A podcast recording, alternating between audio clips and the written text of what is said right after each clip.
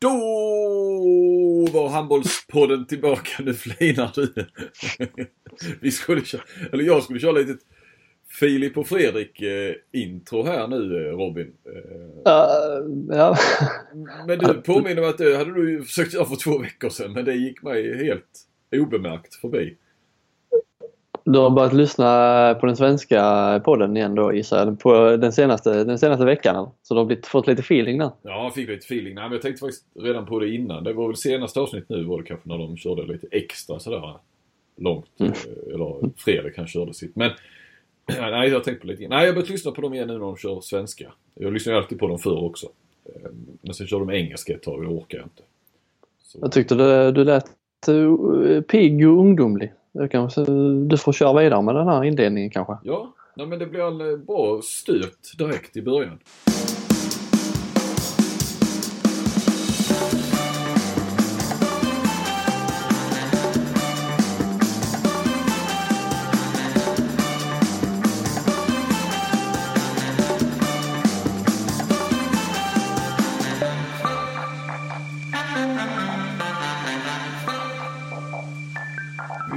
Lite slitna när vi spelar in den, den här podden.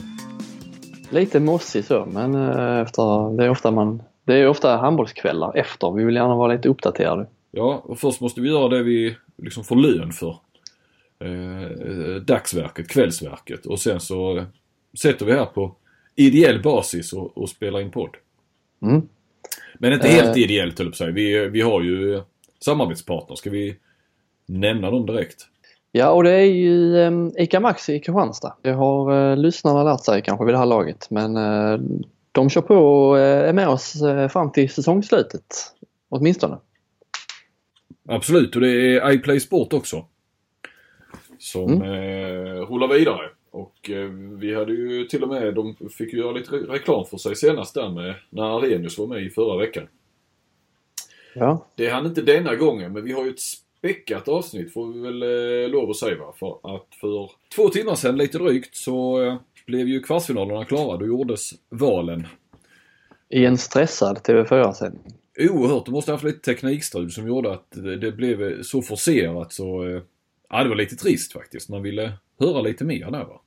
Lite, ja precis, lite mer om valen och kanske något, något extra ord. Det var väldigt, ja du eh, Axnér, välkommen, säg ditt val, hej då nästa. Mm. Och så lite så här, vi har inte tid med dig egentligen utan dra det snabbt bara.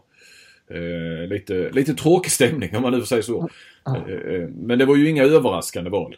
Det kan man väl inte. Någon, någon, någon, eh, jag hade ju trott på att Lugi skulle kanske välja Sävehof men eh, ja, det var väl ingen, ingen skräll heller att att de tog just. Ska vi gå igenom eh, lite, om, lite, om, lite kort om varje kvartsfinal, vilka det blev och vad vi tror och varför det blev som det blev. Ja, men det måste vi göra.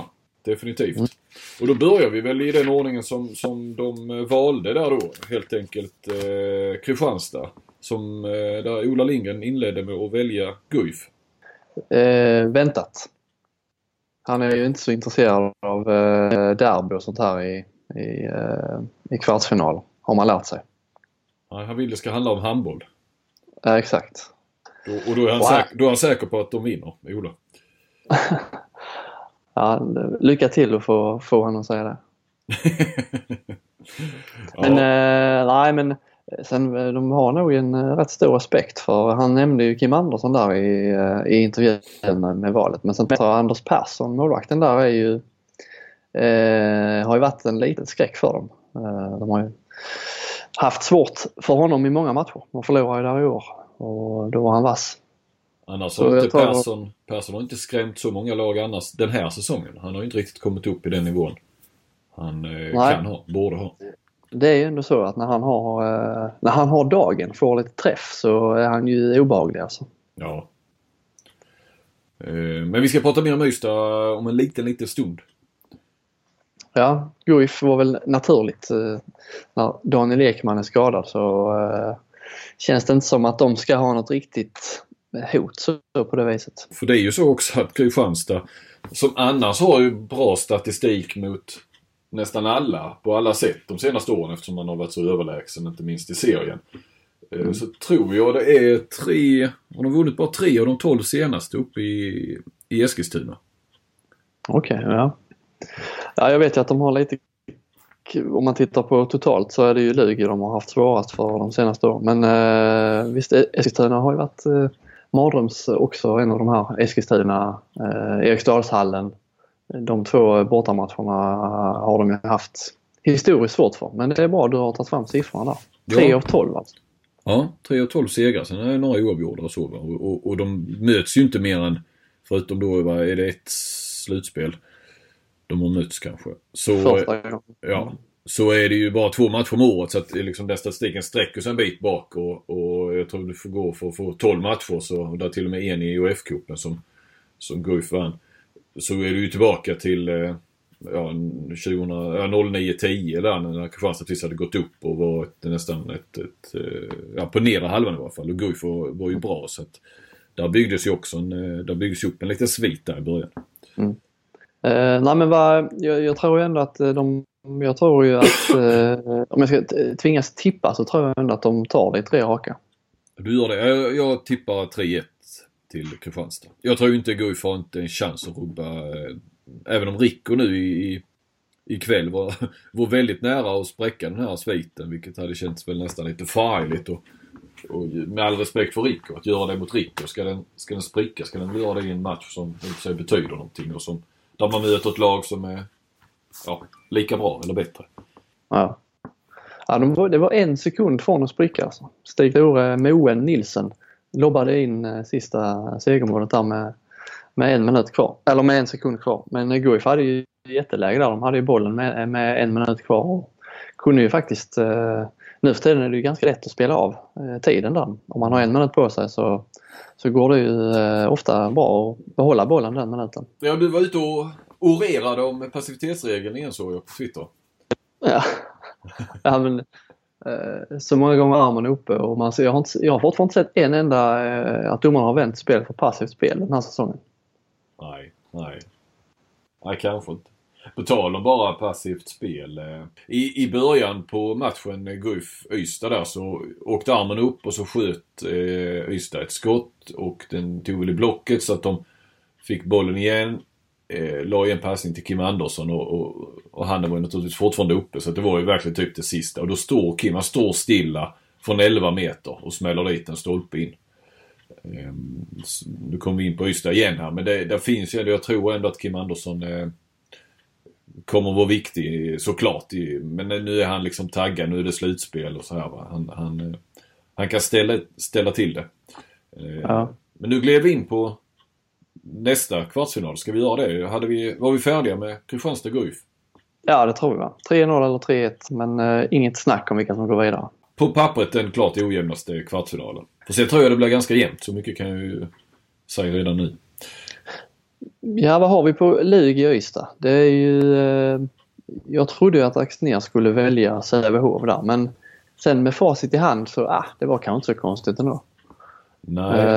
Eh, Lugi med sina retstickor och eh, lite så brinnande hjärnor. De behöver kanske lite, lite derbymentalitet, lite mer bättre tryck på läktarna för att liksom hitta, hitta rätt mentalt. Mm. Men det är bara två år sedan Ystad slog ut Lugi. El Clasico kallas det ju. Ja, jag vet inte vad jag tycker om det riktigt. Men... Nej, jag vet inte heller när det dök upp egentligen men eh, det var väl för några år sedan då när det var så hett med, med Barcelona och Real Madrid. Ja, den, den kvartsfinalen har ju, ehm, det är kanske den som man ser fram emot mest att följa. Den har ju alla ingredienser för att kunna bli gärna lite grinig och så. Vi har ju eh, Wickman Modig som liksom har blivit ansiktet utåt för, eh, för handbollens trash talk mm. kan man väl säga. Eh, han var uppe i Offsides podcast också. Har du hört den eller? Nej, den senaste? Ja. Ja, jag har inte lyssnat. Jag har börjat lyssna på den. Jag har inte lyssnat färdigt. Tränade för kort i morse så att jag hann inte. För kort tid så jag hann inte. Nej. Så nu, eh, nu är hela Sverige, eller hela fotbollssverige också medvetna om eh, vem som är eh, gillar att snacka skit. Ja, ja. Men de var ju inne där lite på att eh, ofta, och det var ju också så i din artikel där om Wickman Modig, att det ofta liksom blir ett försvar att, eh, att man, ja, men han är vinnarskalle, det är, det är vinnarskallen som tar över och att det blir en naturlig förklaring till varför man beter sig som man gör. Och, Eh, de tyckte väl inte riktigt att det var en hållbar ursäkt. I offside-podden? Ja, precis. Ja, okej. Samtidigt så öppnar det upp i den här kvartsfinalen. Eh, Ystad med sitt, deras, de har ju en speaker där som ofta uppmärksammas som, som är ja, lite av en trash talker han också Ja. kan man säga.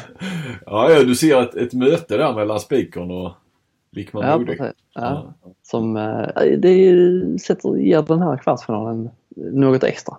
Ska, slänger vi till eh, Ystad Allehanda ett köttben där lite grann? Att de kanske ska sammanföra Wickman Modig och spikern? Så vet jag inte vad Ystad har att komma med på planen med trash talk. Vet, Kim är väl inte Guds bästa barn som han själv sa. Eh, Men han slår inte mig som någon sån här retsticka direkt. Nej, nej jag tror inte det heller. Jag har inte, jag har inte mött honom men eh, han har ju det där överlägsna leendet har han ju. Gärna när han åker på en två minuter eller någonting sånt där när han lite Står och garvar lite. Ja, precis. Det, den, eh, det, det leendet kan ju, det, idag åkte han ut. Det är ju rätt sällan man ser det.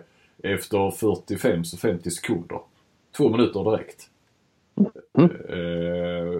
Jag inte För sitt leende.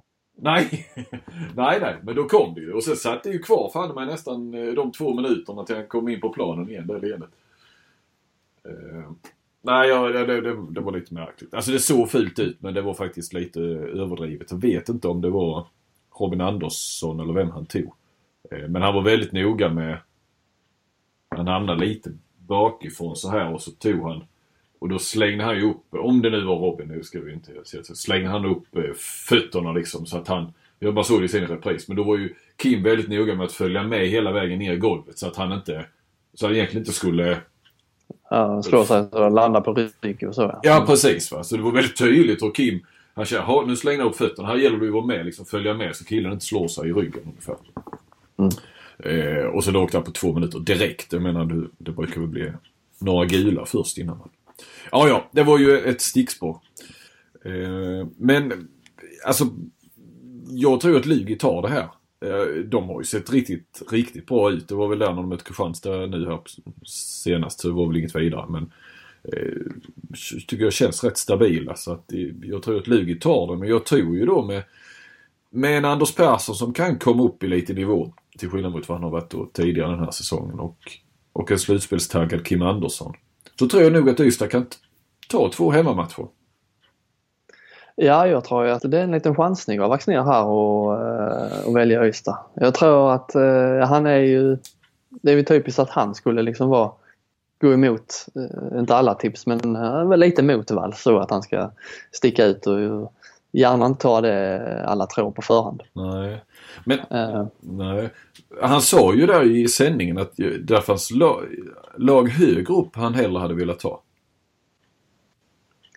ja, det måste ju vara Kristianstad då. Vadå högre upp? Högre upp än Nej, Luleå? men högre upp än... Eh, alltså det måste ju vara bland lag Ja, ja, tre det- till... Mm, Ja, nej, ja, nej, det var inte så. nej, inte högre än de själva, men... Eh, Ja, men han, då måste han ha menat Malmö. ja. Eh, förmodligen. Med tanke på deras, eh, han gillar, ja visst de förlorar där men han, om det är det han är ute efter med heta matcher och lite derbykaraktär och lite trash talk, lite grinigt så, så måste det vara Malmö han vill, vill åt. Ja, precis. Jo, det är klart. Nej, men jag tror inte. Men det, det jag skulle säga var bara att, men visst är det väl så ändå att rent handbollsmässigt, om du tittar i tabellen, eller de här då slutspelslagen, så är ju ändå eh, Ystad och Guif de två svagaste lagen. Absolut.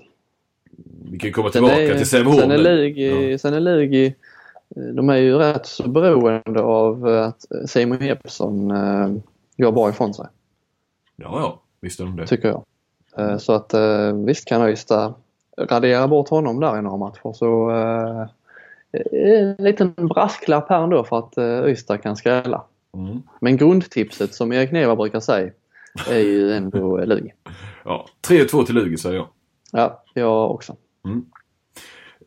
Då går vi vidare med ett annat derby. Göteborg. Redbergslid, Sävehof. Mm. Jasmin Sutta valde mellan Sävehof och Alingsås och eh, det valde han väl rätt i. Och välja Sävehof, ja, ja. Det var väl också rätt naturligt. Ehm, de har 5-2 inbördes på Sävehof till exempel de sju senaste matcherna. Mm. Och ehm, ja men RIK, herregud tänk att RIK slutade trea. Fick välja som tredje. Alltså jag håller dem som har kanske gjort den mest imponerande säsongen. Ja, alltså sett över alla lag och förutsättningar och ja, Lugi har också gjort det bra men eh, RIK tycker jag nog har gjort sett till förväntningar den bästa säsongen så här långt. Jag kommer inte ihåg vad jag tippade dem men det var väl i vanlig ordning där nere. Sjua, åtta som bäst kanske. Ja. Så. Sen vet jag inte, sen eh, jag tycker inte att de riktigt är ett eh, slutspelslag. De har eh, liksom en uppställning i stort sett som, som, eh, som måste gå eh, och det känns som att kan man bara liksom i fem matcher så, så kan man nog lära sig. De har försvarsspel 5-1. Får man bara hål på det och lär sig det så, så vet tusan om inte, om inte Sävehof eh, kan ta det här. Ja, ja. ja det tror jag också.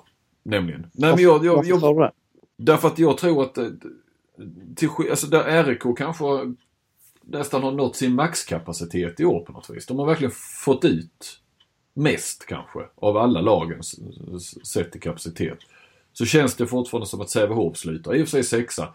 Men att där finns, där finns något eh, oförlöst någonstans. Eh, då, per Sandström har inte varit, han var bra idag men, mot Malmö, men, men han har inte varit så bra. Han har inte, jag menar, han är inte bland de fem, sex, sju bästa målvakterna i år. Eh, du har Jonas Larholm också som, eh, det är väl också lite han är, man vill ju tro det att till slutspel så kommer han att eh, lyfta sig lite och eh, Sen har ju Sävehof, tycker jag, en annan bredd då som du var inne på än vad RIK har som går rätt hårt. Eh, sen har de, de har bra spelare som kan avlasta men den, säg då att den här som jag tror går ändå till fem matcher. Den går ju säkert minst till fyra matcher. Den här holmgången då, vad, vad kan... Borde bli, ja, kan inte det tala lite för Sävehof med lite större? Ja men precis att uh, har har eh, RIK en extra växel att sätta in? Jag tror inte att de har det. Eh, jag tror att de har liksom levererat på maxnivå under serien. Medan Sävehof eh, eh, har gjort en del bra matcher men inte liksom haft levererat på toppen sin, sin kapacitet. Nej. Där finns mer att ta i Sävehof och därför tror jag att Sävehof tar detta med 3-2. Jag, jag sa det, jag trodde jag skulle sticka ut när jag tippade Sävehof men jag eh, hade också satt 3-2 till Sävehof. Mm. Ja, då sticker vi ut. Rörande överens. Så får de lite publikstöd men nu här brukar de få i slutspelet med Kamikazes vaknar till liv. Och så. Mm. RIK har ju förvisso en jobbig arena eller en jobbig hall att spela i för bortalagen men det är inte alls samma publikstöd som, som eh, många andra lag lär ha i slutspelet. Nej. Du, på tal om publik så såg jag att Sävehof för det har ju ändå varit sådär att aha, det blev inte så mycket publik men de har ju faktiskt ökat från 1000 till 1800 i år. Mm. Uh, visst det är där några uh, som, vad ska man säga, dubbelarrangemang eller pre, alltså premiären i nya arenor och sådär som drog riktigt, riktigt mycket som, som drar upp det lite grann. Men det, det har ju blivit ett lyft. Sen kommer jag inte ihåg riktigt vad de budgeterade men så de hade rätt så höga eh, förväntningar på, på publiken så att det är väl inte överraskande men, men ändå det är ju en, en rejäl höjning. Mm. Och den ser vi inte alltid i, i nya, nya arenor. Bara hoppas att ja. får den effekten också till exempel. Ja, precis. Uh, nej, så Sävehof är väl kanske skrällen då i kvartsfinalerna. Om jag antar att Lugi går vidare. Ja, så, så eh, är det ju skrällen sett till placeringar. Sen har du ju Malmö Alingsås. Ja. Ska Malmö Igen. gå in som favoriter där? De gör Nej. det rent tabellmässigt. Ja, men det känns inte så va? Nej. Det var väl jackpot för Alingsås skulle jag... De är nog eh, nöjda och glada över att, eh, att ingen valde dem. Eh, de hade nog kunnat ta RIK också tror jag. RIK eller Malmö. Ja, de har ju, de är, jag tycker ändå de är favoriter. De har, det ser ut som de senaste åren egentligen att Malmö har skador, viktiga spelare, eh, när, de, när de ska möta Alingsås i fem matcher. Och det, visst, Malmö var nära att rubba dem ett år men, men jag tror inte de gör det. Eh, jag tror inte de kommer ha någon chans faktiskt. Jag tror att Alingsås vinner med 3-0 eller 3-1 i matchen. Mm. Ja, jag tror ju ändå att det går till fem faktiskt. Malmö är starka hemma och, och så. Men jag förstår hur du tänker. Så att nu har jag satt eh, 3-2 till Alingsås, så det får jag väl stå fast vid. Men eh, som sagt, det kan, det kan nog bli 3-1. Jag tror att Alingsås nu, de vann de ju väldigt enkelt med IFK Ystad, eh, såklart. Eh, så, så det, ska man, det är väl ingen större värdemätare. IFK Ystad hade, var ju redan avsågat. Men de, de eh, jag, jag håller ju dem som ett av de tre bästa lagen egentligen. Jag tycker att de ska vara där uppe med Kristianstad och, och Lugi.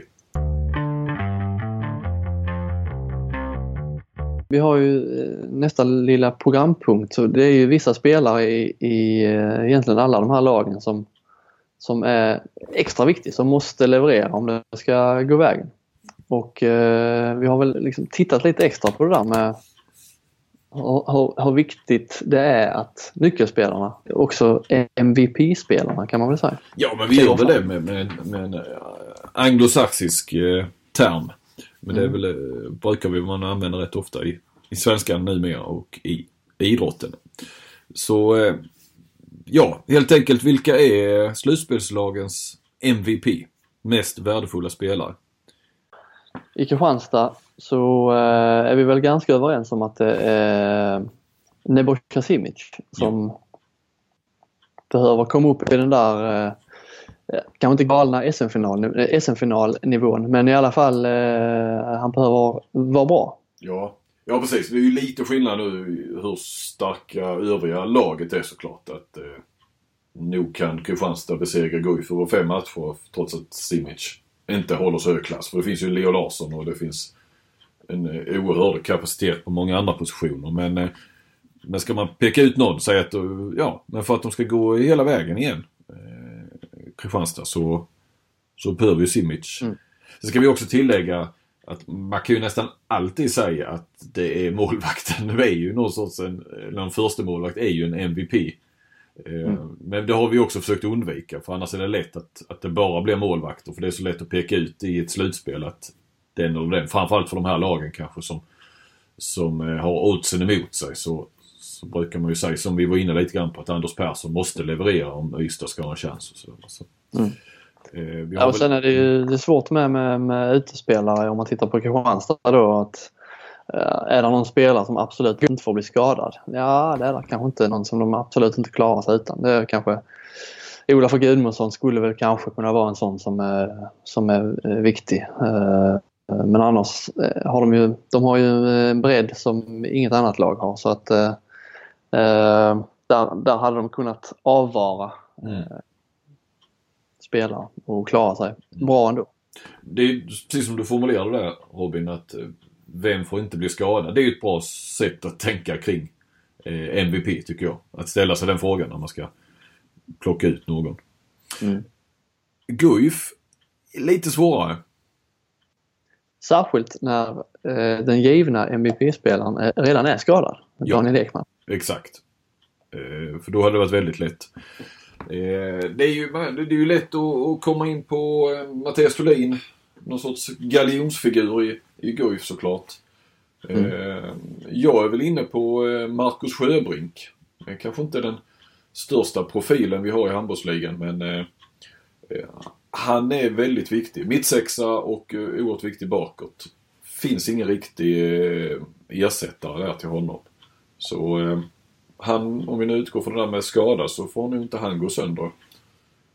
I, i Nej, de har ju testat, de har ju testat det här med fyra 9 meter spelare eh, när ja. Christian Andersson var där och det, det gick inte sådär jättebra. Så att eh, Mittsexor är ju, det är svårt med Mattias Thulin, är ju kantspelare. Kantspelare är ju sällan att eh, de, som lag, lag inte klarar sig utan en viss kantspelare utan de de är, man är ju mer beroende av 9 spelare målvakter, i det här fallet mittsexor. Ja. ja, absolut. absolut. Eh, de har ju Tim Alin också på, på mittsex där men eh, en kille född 98. Nu är ju Sjöbrink bara två år äldre i och för sig. Men eh, nej. Så eh, eh, köper du Sjöbrink eller? Ja, eh, jag hade ju, när vi spånade lite så hade vi ju Thulin och eh, satte Emil Andersson frågetecken, Krantz i målet frågetecken. Men det är ändå eh, Sjöbrink, eh, han får ju absolut inte bli skadad. Nej. Om man ska utgå från frågeställningen. Men sen är Emil Andersson kan ju där, ett jäkla fräckt skott han har. Vilket klipp. Ja. Eh, Snabbt. Men, men det Ja, där... han, skjuter, han skjuter lite från alla, alla höjder och vinklar och från, eh, han har många, eh, många alternativ där. Med, han är lite lurig att veta när han ska skjuta. Precis. Ett, ett oerhört snabbt tillslag. Svårt för en målvakt. Ja. Mm. Men eh, ja, nej, men kanske landar vi på Sjöbrinken då. då. Det gör vi. Mm. Och då går vi vidare i Lugi. Eh, Simon Jeppsson känns som eh, Ja. eh, MVP-ernas MVP kanske. Ja, möjligtvis i eh, konkurrens med en annan. Vi får väl se där. Vi, vi får väl Mm. utse det också så småningom. Men eh, definitivt en kandidat till, eh, till hela ligans, eller ja precis som du säger, MVPs MVP. Ja men han är ju verkligen en sån. Jag tror inte att Lugi kommer, eller skulle jag, alltså de kommer inte, och skulle han gå sönder i första matchen så tror jag de åker ut mot Ystad. Ja. Eh, Simon Jeppsson. Jag han såg det. Han, han vann skytteligan i grundserien och blev eh, fyra i assistligan. Det är ju, Mm. det är ju rätt hyfsat. Det säger ju en del. Absolut. Och då st- ställs de alltså mot Ystad. Ystad. Mm. Det var där, det, det är ju lätt lite grann att komma in på Anders Persson då men, men eh, och det är nästan lika lätt att komma in på ett annat, an, an, Ja. ett annat namn. Och eh, någonstans landar vi väl ändå i det andra namnet, Kim Andersson. Ja, samtidigt så är det ju så. De har ju vunnit lite och spelat, spelat, nästan spelat bättre när han har varit skadad här i slutet av, eh, eller varit borta i slutet av Ja. eh, grundserien. Så att det är lite så. Ja men eh, de har ju ändå levererat utan honom. Mm. Men eh, visst, han har ju en, en högsta nivå som ingen annan har. Så att eh, i ett slutspel så eh, känns ju han som att han är ju deras viktigaste spelare. Ja. Och det är väl upp lite till de andra att inte lägga allting på Kim heller när han är med då. Utan ta det där ansvaret man gör när han inte är med. Eh, För det är ju inget snack utan om att Kim också kan göra alla andra runt sig väldigt bra. Alltså jag menar med den blicken han har för spelet. Det är ju inte bara skottet. Det där har vi ju sagt så många gånger men... eh, Ja, Det, nej. det, det är lika sant ändå. Ja så är det ju. Så vi, vi, vi sätter Kim Andersson där. Sen har du ju den Hampus Andersson som kanske har varit den bästa, deras bästa spelare. Men då har vi också en kantspelare och det, det bär väl oss emot lite grann kanske. Mm. Ja det är ju om det skulle vara Spikern då men han har väl eh, fortfarande en del att bevisa. ja, ja, precis. Eh, ja, ja, precis. Lite mer bevis i slutspel i de viktiga matcherna. Ja precis, måste kliva fram. Ja. Redbergslid.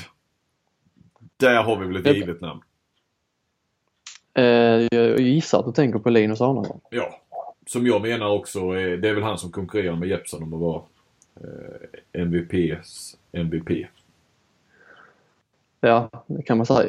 När de mötte Kristianstad i fjol i slutspelet så eh, han hade också gjort en bra säsong då men sen försvann han ju helt i, i kvartsfinalspelet och då var ju Redbergslid också eh, chanslösa så att eh, han behöver ha ett han behöver ha ett bra slutspel. Mm.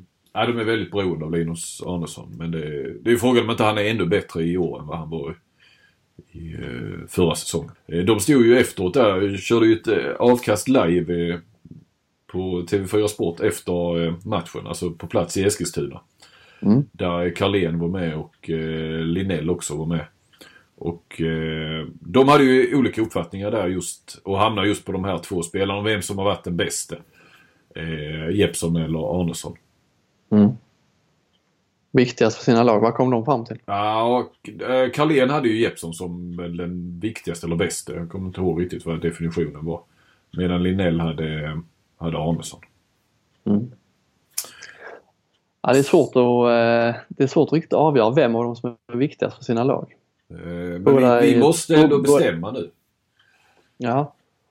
Eh, jag, det, det känner, jag känner på mig att du, du gärna eh, drar fram Arnesson där. Ja.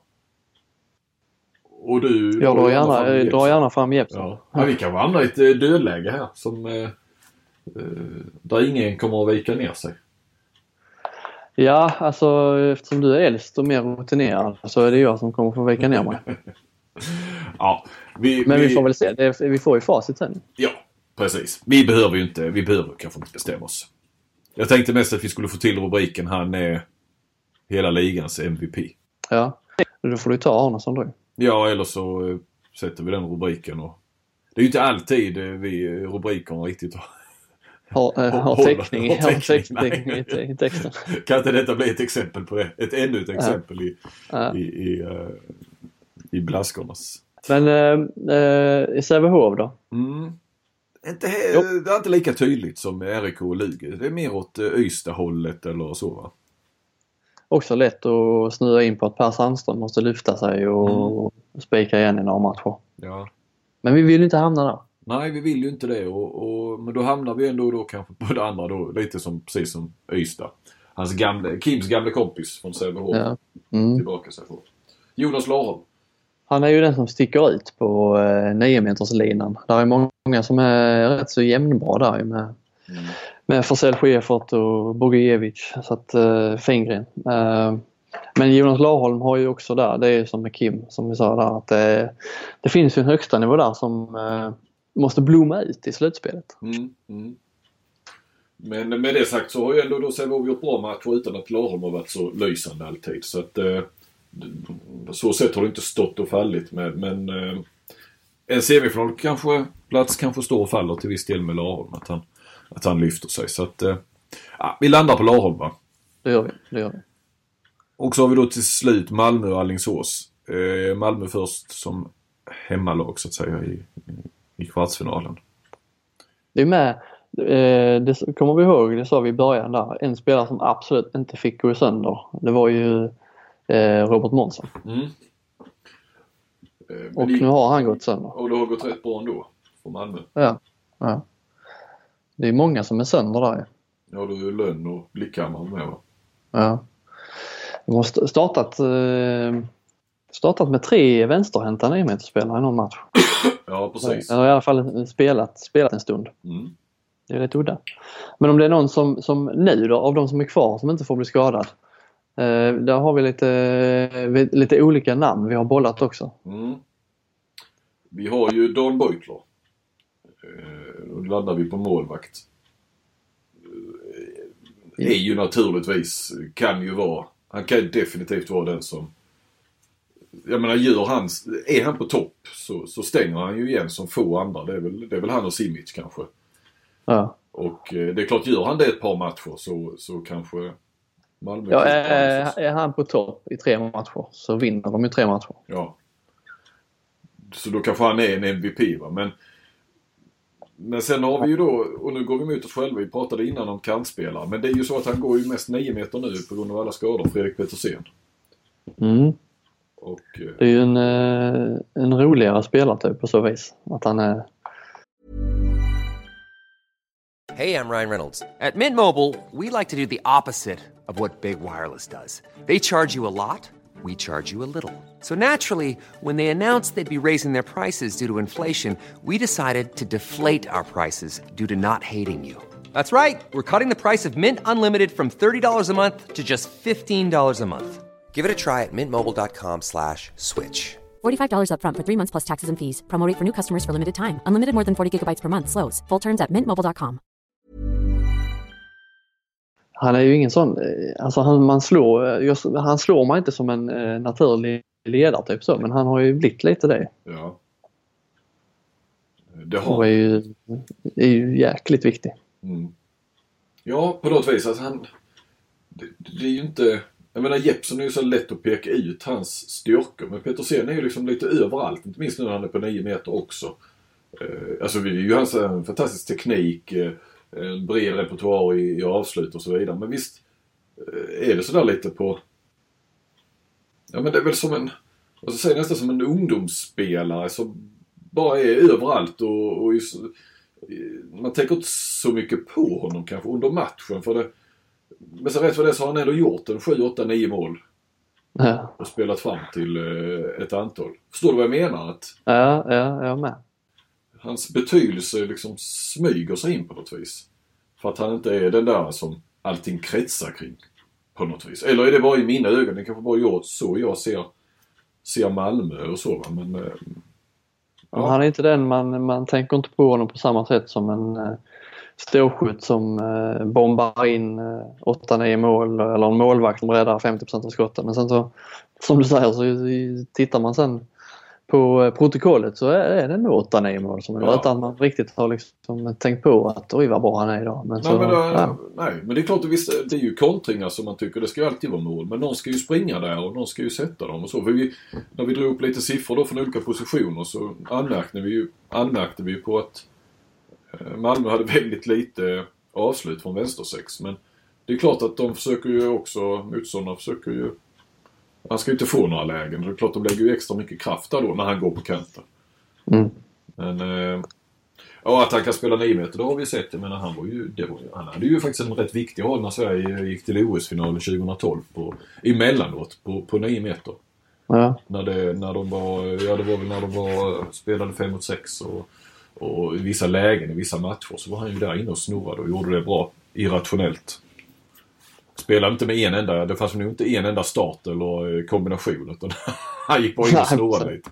Ja, De har ju många sådana lirare som är bra individuellt. Soran Roganovic har man ju bortglömd den här säsongen känns som. Han är med en sån. Ja.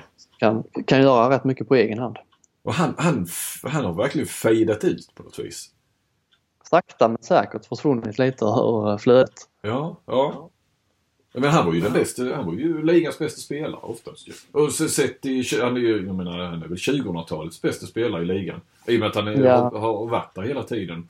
Öst in mål. Vunnit skytteliga efter skytteliga efter skytteliga. Ja, han har gjort flest mål av alla. Han är ju för, ja, det är ju det är ju flera år sedan han gick förbi Hajas. Mm. Mm, ja, mm. Sen har vi en som jag lyfte upp, Kvalvik. Eh, försvarsspelaren. Är ju också, Mm. Är också väldigt viktig och tillfört eh, oerhört mycket i, i Malmö. Så att, eh, men vi landar väl på Petersen ändå. Vi gör det. Även om, ja, jag, jag, jag tycker det är svårt. Dan Beutler, det känns som att visst ska man bara gå, så- så- säga så här, vem får inte gå sönder i Malmö? Det är ju rätt lätt att man säger Beutler ändå alltså. Ja. Men jag menar du har ju kraft där bakom som, det är ju ingen dålig målvakt. Nej men eh, högsta nivån är ju ändå, jag tycker det skiljer så mycket när Beutler, i och med att han har en sån extrem högsta nivå. Ja. Men eh, vi, ja, vi säger Petersen. Och sen har vi Alingsås till sist. Mm. Den är inte heller helt given va? Nej, där tycker jag väl kanske inte målvakt eh, Rickard Frisk är ju viktig men eh, Ja, för nu har han varit borta. Det var ju då raset började. Det var ju fler som var borta i och för sig. ja samtidigt så var ju eh, ersättaren där när de, i alla fall när de mötte Kristianstad så var ju han eh, eh, Erik Pettersson, Petter- ja. Erik Pettersson, Som precis. går till Aranäs. Ja precis. Han var ju, han var ju väldigt bra mot Kristianstad och då Mm. förlorade de ju ändå ganska klart till slut. Eh, ja, men Jesper Konradsson är ju ändå frontfiguren i Alingsås. Det är han som driver spelet. Det är han som eh, tar besluten. Eh, det är han som är viktigast. Ja, vi sätter väl honom. Du har ju Max Daj också, men jag menar förra slutspelet så var väl Daj borta både kvart och semi. Då ångade de ju fram väl, vann väl med 3-0 i båda matcherna utan Daj då. Mm. Eh, sen har väl Daj säkert, eh, eller säkert men det är kanske bara för att vi har sett honom, hans spel i VM. Men det, han har ju inte blivit sämre om man säger så i den här säsongen utan han är ju bättre än någonsin. Så att, han är ju också viktig. Och Tern har ju naturligtvis också sin roll i, i Alingsås. Om vi ska Mm. nämna viktiga spelare. Men eh, nej. Alltså, med Oskar Bergendahl är ju ingen, eh, ingen dålig ersättare om vi säger att Max Dye skulle gå- gå i sönder. Nej, nej. Det, det, det har du rätt i. Det har du rätt i. Så att, eh, nej. Konradsson är de väldigt beroende av.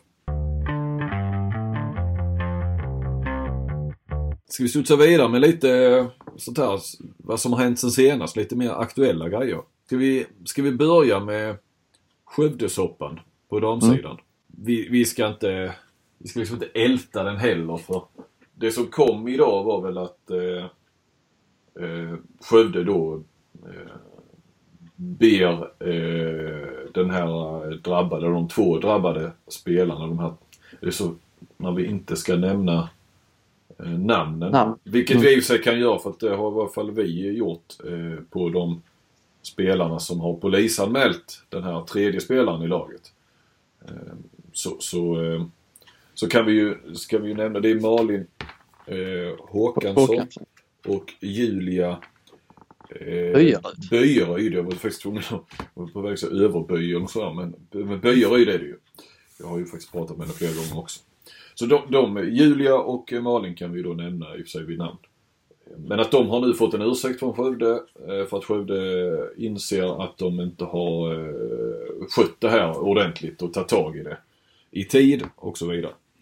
Eh, Bakgrunden kan vi säga lite kort om. Om, om ni inte har lyssnat på alla poddar så är det ju Skövde-spelare som blev polisanmäld för, vad var det hon blev polisanmäld för? Olaga hot. Ola, olaga hot ja. Ja, det är väl det som på. Sen har det väl då funnits, eh, hävdar ju då eh, Julia så, så även trakasserier och sexuella trakasserier ja, någon form av mobbning och så va. Mm, mm. Eh, under flera månader den här säsongen. Och här har ju eh, den berömda spelarföreningen kopplats in eller kopplat in sig själva kan man säga. Ja precis.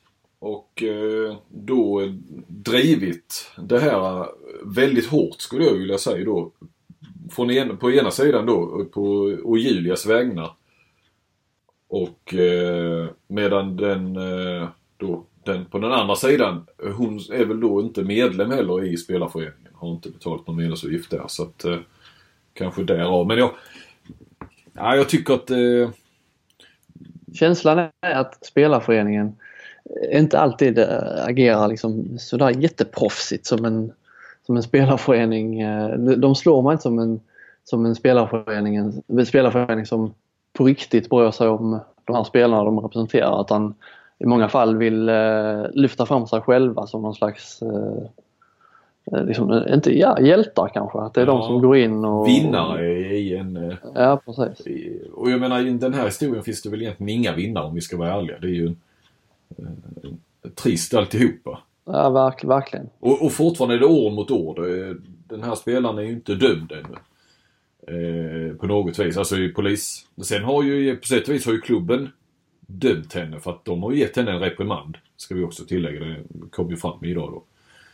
Eh, men som intressant till exempel så vet jag efter att ha pratat med Skövde och talespersonen där då eh, som är vice ordförande.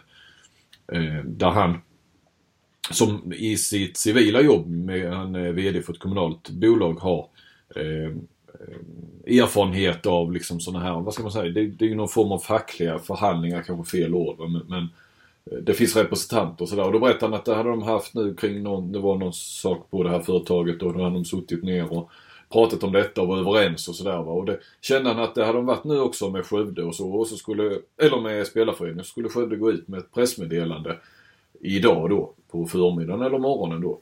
Men då skrev ju spelarföreningen ett eget pressmeddelande och gick ut 07.03 fick jag det i varje fall.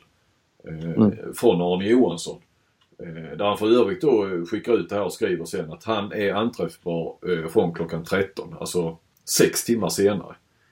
Och, och eh, ja, Ja men det är det jag menar. Det är inte så här, det känns, det, andas liksom inte proffsighet och, och så här, utan det, det handlar man får, jag får känslan att de vill lyfta fram sig själva hela tiden mer än att Mm. koncentrera sig på sakfrågan och hålla sig till, till exakt alltså vad som hänt, det som gäller. Alltså skriva ett rakt pressmeddelande. Det är mycket så här vad vi har gjort, vi är bra. Så här. Ja, och inte minst så nämner de ju i första meningen, eller andra meningen, första stycket i alla fall, eh, nämner ju den polisanmälde spelaren vid namn. Ja. Det är ingen som har gjort det. Nej, men inte mig veterligen. Inte Skövde Nyheter och inte, och klubben gör ju inte det i sitt pressmeddelande idag heller. Nej. Och det är ju också, och där vi, sånt här, vi hade, jag berättade ju om det för någon månad sedan då när det, det här uppdagades då.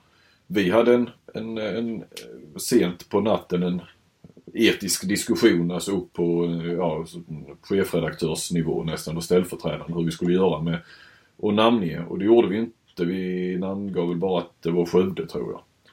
Mm. Eh, Och idag hade vi en ny sån diskussion som var uppe på, på hög nivå på redaktionen. Hur vi skulle göra. Och eh, vi skulle inte nämna den polisanmälde spelaren vid namn. Men om eh, de som då har polisanmäld, eller ja, Julia och Malin, vi kan ju glömma att vi kan nämna dem vid namn. Om vi fick ett okej från dem eh, så kunde vi nämna, vi skulle ha ett okej. Det kvittar liksom att spelarföreningen gått ut med namnen eller att andra medier hade skrivit. Eh, och det fick vi då efter att eh, eh, en av dem hade fått eh, läsa texten också. Eh, och frågade om det var okej för hon ville veta Mm. liksom, lite grann hur vi skrev innan och så. Ja, hon uppskattade att vi hörde av oss. Så, så att eh, det är ju också eh, märkligt. eh. Ja, men man undrar ju vad som hade, hur de hade agerat om den här anklagade spelaren då, om hon också hade varit med i spelarföreningen. Då hänger de ju ut henne med namn och Ja. de enda som gör det. Det är ju ingen som är dömd för någonting då även om Skövde, Skövde ber om ursäkt då enligt det här pressmeddelandet. Ja, och ger henne en reprimand. Så det måste väl ändå vara Skövde och egentligen den anklagade spelarens, tycker jag så här eh, i det här läget, deras eh, rätt att välja att gå ut med namn eller inte. Och gör inte de det, då tycker inte jag någon annan ska göra det heller. Reprimand, det, eh, ordet för dagen. Jag hörde dig i eh, den här norska nya podd, nya handbollspodden. Ja, vi har satt eh, där i Norge som har dragit igång en, en podd. Mm. Och du pratar inte norska, du gav dig inte på någonting sånt? Nej, du ville ju att jag skulle invitera. Nej, det gjorde jag verkligen inte. Nej, det, jag tyckte det var svårt att vara med. Det är lättare att vara med i sin egen podd på något vis. Ja. Eh, Men jag förstod vad de sa i alla fall. De pratade en tydlig norska. Eh, Kanske de hjälpte mig på traven lite grann, jag vet inte. Men... eh, Ja. Nej, Ja, de var, men du, du var inne på det där att eh, ja, anledningen till att du var med var ju den här Peter Apelgren eh, nej, inte Peter Apelgren. Det är ju, Eh, Mikael Apelgren. det är ju hu- humoristen. Han är ju rolig i och för sig. Men... Mikael Apelgren, ja. Det är andra gången jag skriver fel. Jag tror jag har skrivit fel i något på Twitter här, kallat honom Peter Apelgren. Och ändå finns det ju så många Mikael Apelgren i sportens värld så att... Apelgren, Mikael Apelgren, Mikael Appelgren. Det är, det är lurigt det där. Ja. Eh, nej men att du, du var inne på att Mikael Apelgren, eh, att han borde fått en reprimand istället för den här, nu fick han ju den här galna avstängningen med en månads, eh, visst han, han får eh, han får vara med i laget och sköta träningar och eh, lägga upp det taktiska upplägget. Men han blir ju avstängd. Ja. Eh, och det är ju en... Jag tycker fortfarande att det är en väldigt... är alldeles för tuff, tufft straff. Ja. Eh, Men de verkar ju rätt så eniga där. Annars har man fått uppfattningen att hela Norge verkar över, överens om att eh, det här är för jävligt och han borde stängas av eh, lång tid och så här. Men de, i den podden där så var de ju rätt så eniga med dig ändå att det var eh, galenskap. Ja. Jo men det var de. Det var de ju. Nej annars har det ju varit eh, mer den andra reaktionen från Norge. Och det var ju det de tyckte var lite intressant då att eh, just att han har fördömt så hårt i Norge medan vi i Sverige har eh, Ja men det har ju funnits den här hashtaggen backa Apel och så. Mm. Sen, sen är det ju... Backa Peter hade du skrivit. Ja. Precis. Uh, ja, men det är mycket sen, uh, det får ju den spinnen i och med att det är liksom uh, tränarkonkurrenter och så, så är det, är det ju som, eh, mycket de som har för, fördömt det här. Ja ja visst. Uh, även om det har funnits krönikörer med men man har liksom inte riktigt, när man bara läser tränarna så får man, uh, man inbillar sig att, att hela Norge liksom Ja. ty, tycker samma sak. Ja. Men det, så är det uppenbarligen inte. Nej. Sen kan man ju då reagera också på att eh, domen kommer så sent. Vad tog det? Jag vet inte vad jag skrev. Tog det 19 dagar någonting. För de komma fram till det. Och så släpper de det på matchdagen. Så han, fan, han satt ju på bussen nästan. Och så skulle de ju snabbt ta ett beslut. För överklagar de det så fördröjs hela processen. Okej, de kan ju överklaga och så kan de ju få rätt och så blir det aldrig något straff. Men, men risken är att de ändå blir något straff och säger att de slår fast det vid tre matcher. Och så överklagar så kan det här bli in över... Eh, alltså det var ju tre matcher fick han ju. Han fick ju en månad med max tre matcher.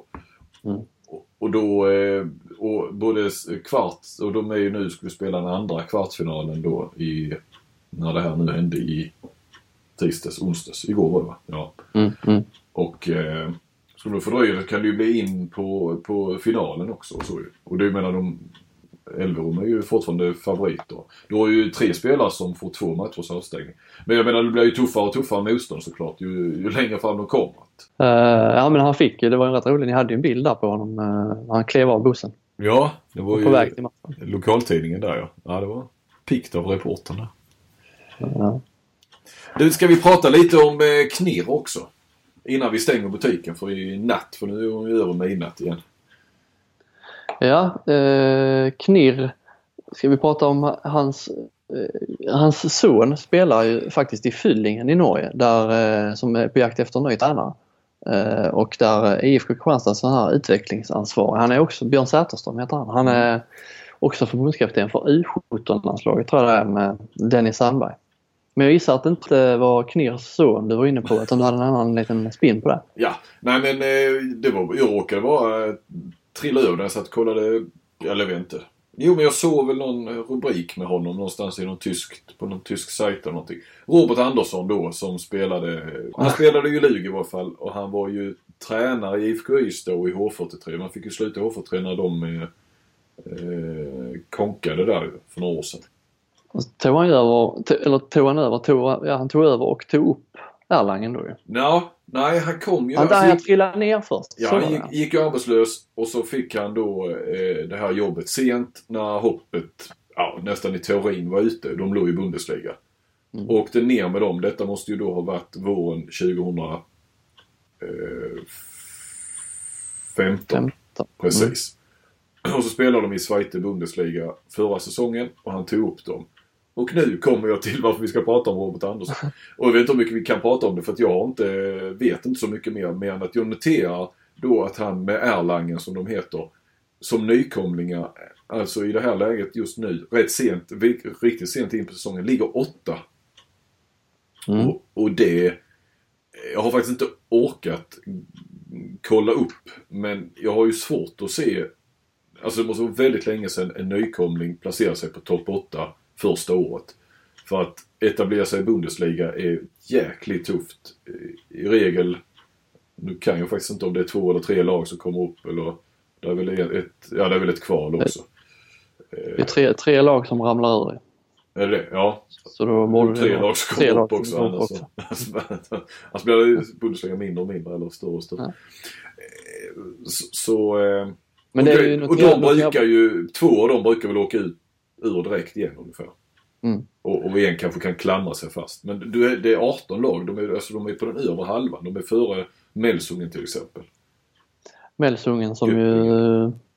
De har ändå satsat lite nu här och de... Det är ju Simic ska ju gå dit. Han var ju inte sådär överexalterad över deras tabellplacering i år, eh, Simic. Men det skulle lyfta nästa år. Men att de är före dem är ju, Mm. är ju starkt de är ju... eh, Magnus Andersson är, nämns ju ofta som en av våra stora tränare. De är ju före hans Göppingen på elfte plats också. Ja men jag menar Robert Andersson måste ju vara en kandidat till årets tränare i Bundesliga. Fast det blir väl alltid den som vinner guld eller den som, ja i och för sig vinner Champions League ska ju vara eller jag vet inte om det finns en omröstning bara för Bundesliga eller om man räknar hela Tyskland men Ja, men- Mm. Det brukar ju vara något lag som eh, kanske tar sig till Final Four i deras egen Ja. eh, tyska pokal eh, eller vinner den och sånt här. Ja, precis. Och det, det kanske det blir. Men, men jag sett till material och så, så. Så måste ju Robert Andersson stått för en av de starka bedrifterna i, i Bundesliga. Om de nu inte rasar ihop helt där. Men så ser det ut att kunna bli kanske en topp 8-plats. Och det, Ja. det är väl verkligen bortglömt. Som sagt, vi brukar ju då, Vranjes hyllas ju alltid och ju Magnus Andersson också. Men eh, eh, nej, han, har, han, han hade ju inga framgångar som tränare i Sverige. Han har ju inte få heller. Så att, eh, Nej men kul när det, när det händer. Och det är ju jätteintressant. Jag menar han kan ju göra en karriär kändes, som, känns det som i Bundesliga. För att gör du sådana resultat med ett så litet, sån liten klubb så, så måste du ju vara rätt så intressant för bättre klubbar som vill satsa på något lite nytt och inte ta någon av de här tränarna som bara där det går runt eller så. Ja. Ja. De vanliga. Lika bra går det inte för eh, eh, Max Darj och Linus Arnessons eh, nya, nya Nej. klubb. Nej. De, Så, så de ligger näst sist. Så de Ja. ligger väl eh, riktigt risigt på det. Ja, de kommer ju åka ur. Eh, Det tycker jag, ja. ja man tycker att det borde finnas. Jag har varit inne på det men eh, det kanske är tuffa positioner också att, att eh, ta plats på högre upp i, i Bundesliga. Va? Men eh, för övrigt, på tal om det så ju- sa ju Oskar Karlén där att eh, för han och Linnell hade ju tagit ut en, en, eh, ett, eh, ja, årets lag då i grundserien och hade ju Simic som, som målvakt och han menar att han går ju till en för dålig klubb. Han borde hamna i en, i en bättre klubb än Melsungen nästa säsong. Nej, eh, han säger ju själv där att han var ju the leader of the new generation, eh, Simic. nya generationen målvakter i världen. Ja, ja precis. Ja. Men äh, ja, Melsungen, det blir ju liksom inget Champions League-spel för dem nästa år. Och Nej. det är ju där han har, eh, det är där han har växt. Ja, jag vet inte. De Alltså, är riktigt stora lag. Liksom. ja, och som lag, de är väl inte bättre än Kristianstad? Nej, eh, ja. Ja, kanske. Alltså över tio matcher kanske de vinner sex då, eller sju. Men det är ju inte Ja. givet. Nej, nej. Skulle de mötas i ett eh, sån här eh, åttondelsfinal inom Champions League eller i UF-cup så hade man ju tyckt att det var eh, helt öppet. Ja. Okej, nu är ju inte därför eh, alltså, som, som han väljer att, att gå dit. Alltså jag menar det är ju pengar och få spela i den ligan och, och så såklart. Så att eh, det, det kanske inte fanns så många fler alternativ heller om han ville spela i Bundesliga och tjäna en två, tre, fyra gånger mer än vad han har gjort här. Så. Men, eh, och det är klart. Plus att han har rätt eh, hyfsad konkurrens där i målet ju. Med Sjöstrand ja. Johan Sjöstrand. Ja, verkligen. Så det är ju, jag menar, i utgångsläget så är det väl andra fiolen han spelar där. Det är en mar- det är en mardröm på det viset att han går till en eh, mellanklubb och dessutom har jävligt bra konkurrens. Det är inte så att han går till en mellanklubb i Tyskland, tjänar bra med pengar och står 60 minuter i varje match och, så här. Utan, eh, Nej. Det finns ju risk att han, ja, som du är, spelar, att han blir en eh, uttalad andremålvakt i ett tyskt mittenlag och det känns som att det är han ju för bra. Absolut. Och det var det Oskar med menade. Och, nej, han kanske skulle varit lite kyligare. Och väntat lite och sett vad som dök upp. Det känns som han nog ändå... Mm. Alltså Melsungen är ju inte, som sagt, det är ju inte Bergischer där som dit där och de ska vara. Men, eh, och det är möjligt att de låg lite bättre till när han skrev på. Det kommer jag inte ihåg. Men eh, det, det, nej, han var kanske lite för sugen på... Ja. Mm. Tog första bästa lite grann.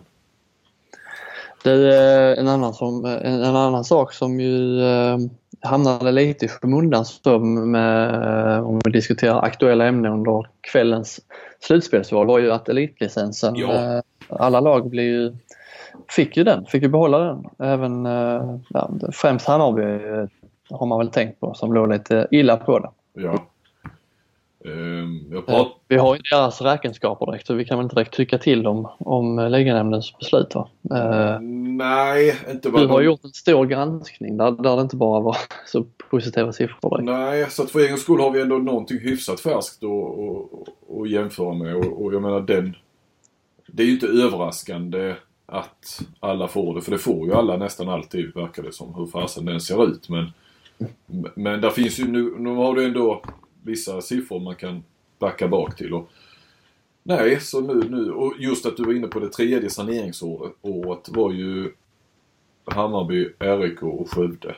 Och Skövde vet jag, hade jag ju en dialog med, jag har haft dialog med alla klubbarna när jag gjorde det där i, kring jultid.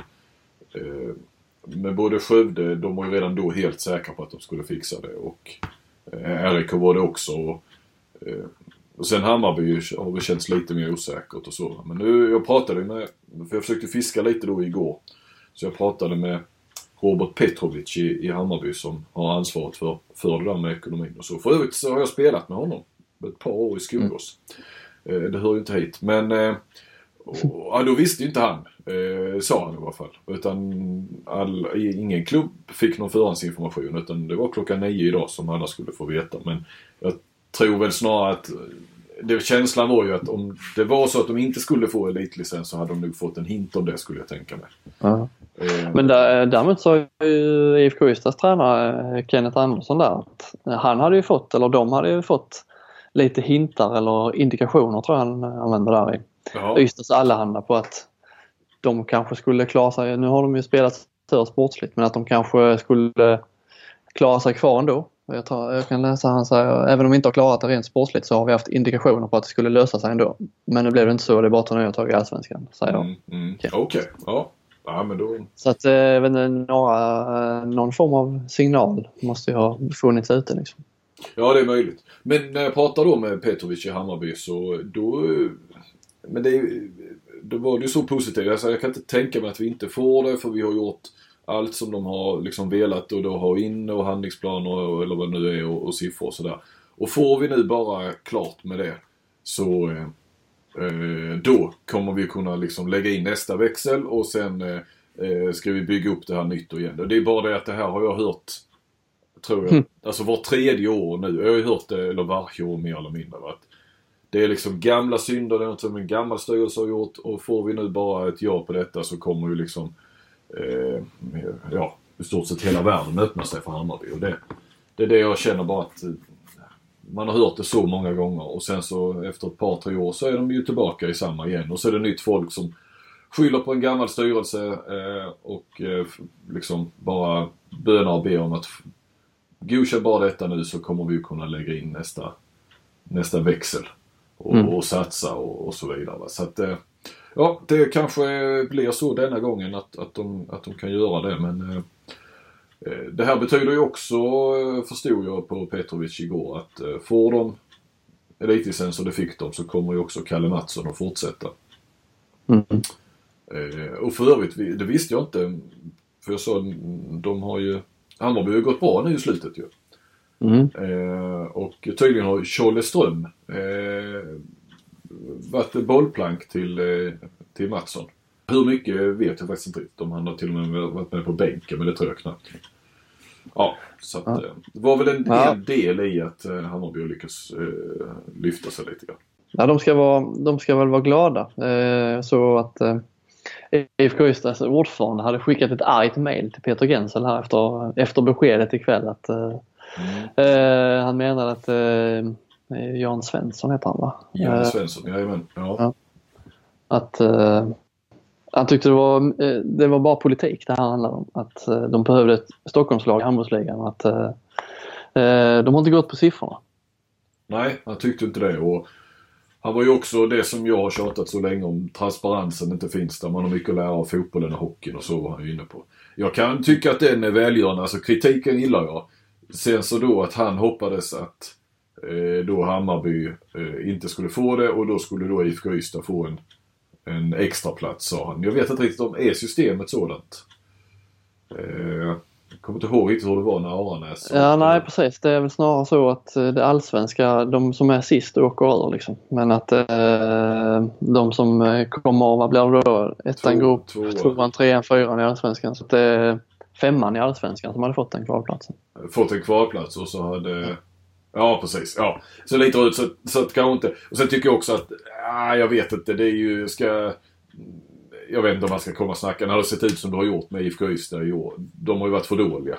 Och då hade det känts rätt så konstigt om, om de... Så kan han då hävda ekonomisk dopning och så på Hammarby men, men det är det ju inte riktigt. I nuläget är det ju inte så. Jag menar Hammarby har ju inte någon eh, bred spelartrupp direkt eller några dyra nyförvärv som, Ja, ja. av pengar som, som de har köpt in och pengar som inte finns. Så har det faktiskt inte sett ut i Hammarby på, på sistone. Så att, där ligger lite fel. Men jag gillar, jag gillar ju att eh, det är någon Alltså, som vågar kritisera. ja precis. Sakfrågan är ju, har han ju säkert eh, sina poänger i. Men nu är det ju så då för Skövde, RIK och Hammarby att nu har de ju klarat den här treårsplanen. Alltså nu, på så vis börjar de väl om lite på noll nu på något vis. Alltså det krävs ju, om jag förstått det rätt, nu är jag inte säker på om det var så i Arnes fall när de inte fick det, men att Alltså, står du på minus eller då inte uppfyller kraven så kan du bara visa att du ska ta igen det på tre år så, så får du ju tre år på dig. Om, om Mm. handlingsplanen är någorlunda vettig och då, då skickar du knappast ut ett lag innan de här tre åren har gått. Och klarar du då de här tre åren så ja, då börjar du någonstans om på noll igen. Ehm, så nu är det väl de som då är inne på, så inför nästa säsong, om de inte har lyckats lösa det på mindre än tre år, så är det de som står på två år nu då så, som, som väl lite eh, ska se upp då om, om ett år när vi sitter här igen och diskuterar det. Ja, så får, eh, då är det tre nya år som gäller för Hammarby nu kan man säga. Ja, så, så lite grann känns det ju faktiskt. Mm. Ja, märkligt. Ja. Du Robin, eh, klockan är mycket. ja, och du ska upp tidigt imorgon.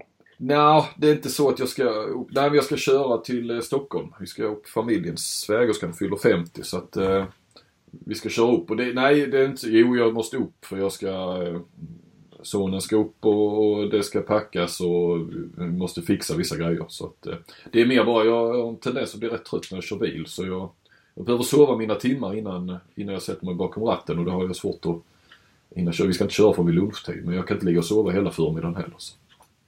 Ja men det låter ju rimligt. Man ska inte köra när man är trött. Nej, nu är vi ju två så vi kan ju turas om om man blir trött så det är ju ingen fara. Så att... ja, Ja. Nej, men det, då, då vet ni mer vad jag gör i helgen. Ja, du får ha det så trevligt i Stockholm. Ja, tack. Eh, Och vi, eh, podden är tillbaka nästa vecka också då eh, med ICA Maxi i Kristianstad och iPlay Sport som samarbetspartners. Ja. Så, eh, ja, men då tackar vi för oss och så kör vi om, eh, ja men då är vi mitt uppe i slutspelet va? Mm. Eller har Eh, kvartsfinalerna börjat ska jag säga. Damerna har ju redan börjat med en stor seger för H65 Jajamän. mot eh, näm- nämnda Skövde då som jag Ja, pratade om. och H65 då värvar och, och blir av med spelare. Det har varit mycket kring de båda lagen sista dagarna. Cassandra Tollbringe lämnar ju. Till Larvik. Det var väl länge sedan vi hade en svenska som gick till Larvik. Men det, nu är ju sig Larvik eh, inte vad de har varit och framförallt är de inte det till nästa säsong för att eh, det är väl ekonomisk kris och de börjar väl nästan om där. Ja. Eh, annars så har de ju, tar de väl bara in, ja, unga norska spelare eller egentligen storstjärnor. Så att det, det var länge sedan vi hade en svenska som gick dit. Tråkigt, eh, tappar en profil. Mm. Både en tolvbrink på här sidan tappar vi och, och en på damsidan. Ja, Men nu tar de in Anna Bardis, eller Bardis så heter. Från Eslöv.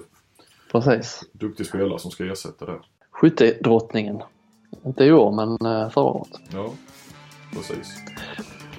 Ja, Yes, Okej. detta om detta. Ja. Eh, tack för den här veckan. Vi syns och hörs nästa vecka. så gör vi. Tack och hej. Hej.